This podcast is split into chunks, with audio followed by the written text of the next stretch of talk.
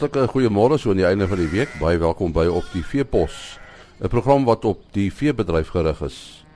Die Large Herds konferensie het die afgelope week in Port Elizabeth plaasgevind en uh, Isak Hofmeyer het met Trevor Elliot gepraat oor die afloop van die konferensie.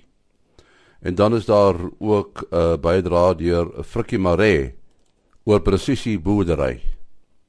Ons sit hier by die Large Herds Conference in Port Elizabeth uh op die tweede dag en ek gesels met Trevor Elliot. Nou Trevor is eintlik die ou wat verantwoordelik was daarvoor om die konsep, die Large Herds Conference konsep van Australië en veral Nieu-Seeland na Suid-Afrika toe te bring. Nou Trevor, dis nou wat 15, 16, 17 jaar gelede dat jy dit gedoen het. Ek dink hierdie is die 9de konferensie van sy soort in Suid-Afrika.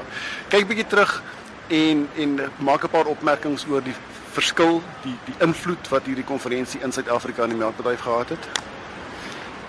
Yes, I together with Rob Stapleton Smith and Bunty Flock um, were traveling in New Zealand in 1996 and 1998 and uh, we just were amazed at the amount of research and knowledge available um, in Australia and especially New Zealand, and we could bring that to South Africa. And the three of us then started the Large Herds Conference. In the first one was held in '99, but of course the planning for that started back in in, in early '98, and um, it certainly has um, had a huge impact on the industry, transformed the way that that. Uh, dairy farming has been done in South Africa um, from the production, fodder production, pasture production, and especially the grazing management are the key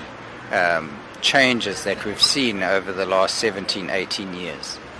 Now, if I remember, I attended the second one in 2001 or some, some, some around there. Um, and impression, and again, correct me if I'm wrong, that my impression was then a lot of overseas people here, overseas scientists, overseas presenters, and, and, and the balance changed. Many South Africans now involved. Absolutely, yes. Uh, the initial ones were dominated by overseas scientists, um, but now our own South African scientists are uh, doing good work and fantastic research, which they are now presenting at the conference. And I'm also right in saying that the, the, the, the, emphasis shifted a little bit because we are very much also a TMR country. So it shifted towards TMR as well? Yes, initially it was purely pasture based dairying that we focused on. But of course, we, we've um, the demand for TMR topics came up, and we've satisfied that demand and included a lot more TMR in the large herds program. Now, looking at the South African uh, industry, any comments on, on how it changed over the years? South Africa in the late 90s would have been a very inefficient producer and the, the cost of production would have been far from the lowest in the world. But presently, we would be one of the lowest, if not the lowest, commercial producer of, of milk. And the future for dairy? The, the future of dairying is very positive. Um, the improvement of standard of living, the increase in the middle class, has increased the consumption of dairy products. So, to combine with the global population increase and the talk of 9 billion people by 2050, as well as the increasing living standards, have increased the demand for dairy products. And dairy products themselves, uh, from a, a, nutritionist point of view, are now seen as a very healthy food, um, whereas in the 80s it, it, it was an anti-dairy, anti, anti-cholesterol um, nutrition argument which has now disappeared.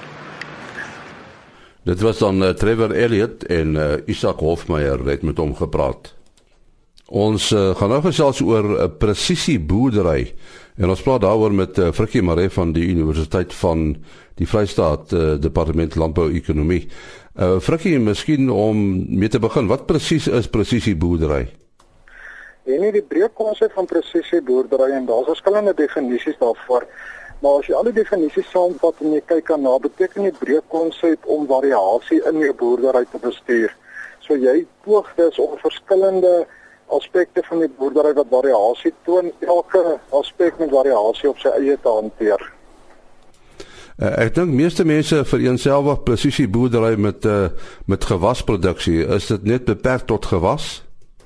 En die presisie boerdery is mees bekend by gewasproduksie. Dit is redelik maklik en maklik maar makliker om dit daar te beheer. Indien jy byvoorbeeld 'n besproeiing land het, kan jy deur middel van grondmonsters en um, skanderings kan jy grond chemiese en fisiese eienskappe bepaal. Jy kan dit uitplot op 'n kaart watse gedeelte, hoeveel kunsmis en water benodig en jy kan dan jou bemesting, aanplanting en watertoediening varieer met nuwe aan varieerbare strooiers en planters wat met 'n GPS-stelsel werk. So dit wil sê elke deel plant jy net hoeveel saad hy nodig het, wat sy en jy benut elke deel tot sy aan optimaal. Maar as jy verder aan presisie boerdery dink, kan jy dieselfde konsep ook in ander gebiede toepas, byvoorbeeld in die veebedryf. Hoe doen mense dit in die veebedryf? En ja, as jy dink veral en ek dink baie boere doen dit is om hier byvoorbeeld individueel te nommer en dan kan jy die variasie in 'n spesifieke kudde aanspreek. So jy kan diere wat dieselfde gewig het kan jy saamvoer. Jy te begin jy kan oeye um wat almal tweeling lammers van lam kan jy scan en voor die tyd bepaal wat hulle voedingsbehoeftes is. So al daai variasie wat dan in jou kudde voorkom of selfs in 'n voorkraal opset, kan jy dan saamgroepeer en dan elkeen volgens sy behoeftes hanteer. Uh, 'n uh, Goeie voorbeeld is seker van hierdie uh, baie gesofistikeerde melkportale wat mense kry by melkbooie, nê, nee, waar alles gemeet word. Dit is ook 'n baie goeie voorbeeld waar die beeste volgens hulle melklewering elke beeste 'n elektroniese um, mikroskyfie aan So die stelsel identifiseer die bees, hy weet presies hoeveel melk hy bees lewer en hy weet dan presies hoe presies spesifieke beeste voorbehoeftes.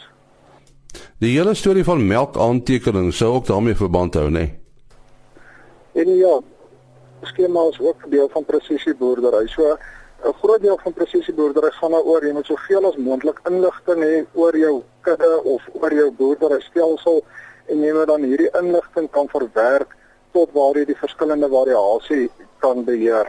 So as jy weet wat elke spesifieke sê nou maar 'n melkery bese om um, melkaantekeninge wys, dan weet jy hoe jy jou kudde moet bestuur om sê nou maar jou bottervet persentasie te verhoog.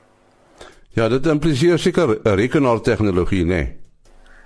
Nee, ja, baie daarvan is rekenaartegnologie omdat 'n rekenaar dit soveel makliker maak, omdat baie van hierdie data verskriklike massas data is, is dit ek kan nie so onmoontlik nie, maar dis hoogs onwaarskynlik dat iemand dit met die hand sal probeer doen. So 'n rekenaarstelsel um, maak of help jou baie daarmee hy verwerk die data baie vinnig en jy kan as vinnig met 'n oogopslag 'n opsomming van jou kudde kry en sien wat se deel jy moet hanteer. Uh, presisie boerdery in Suid-Afrika, is dit meer die uitsondering of is dit meer die reël? En nee, ek dink 'n paar jaar terug was dit 'n verskriklike groot uitsondering. Deesdae met die koste pyping effek met um insetkoste soos wat al hoe duurder word, begin dit al hoe meer en meer die reël raak. Baie boere wat dit reeds toepas sê vir jou, hulle weet nie of hulle ooit suksesvol of winsgewend sal kan boer en indien hulle nie die presisie boerdery konsep gebruik nie. Nou as hierdie presisie boerdery, is dit net een konsep of is daar verskillende ek wil amper sê modelle binne presisie presisie boerdery? Ja, nee, ek dink daar's verskillende modelle wat jy kan volg hang af van die boerdery stelsel en hoe jy dit wil bestuur, maar op die ou en dryf dit terug na een konsep toe en dit is die aanspreek van variasie in 'n spesifieke stelsel. En uh, dan dan kry jy eintlik 'n sekere sin 'n gelykmakende effek, né, nee, dat die een een stelsel help die ander stelsel as ek reg. Ja, en die, groot ding van presiese boerdery wat aan um, jy ook moet besef is, dit beteken nie noodwendig dat jy meer uitsette gaan kry nie. Maar waar presiese boerdery jou baie assisteer is om jou insetkoste te beperk. So jy gee vir 'n spesifieke dier of 'n spesifieke gedeelte van 'n besproeibare land gee jy net genoeg kunsmis en water of voer dat daai dier of daai gedeelte sy optimale produksie kan benut. So jy gee nie vir almal dieselfde hoeveelheid nie. So in party gevalle gee jy meer as in die verlede en in al die gevalle in ander gevalle minder, maar die som totaal daarvan beteken dus dat jou insetkoste meer of jou insette meer gebruik en dis vir minder inset en meer uitset gaan kry. Ja, baie dankie Frikkie Maree van die Departement Landbouekonomie aan die Universiteit van die Vrystaat. Maandagoggend om 4:45 is ons terug. Tot dan, alles van die beste. Ah.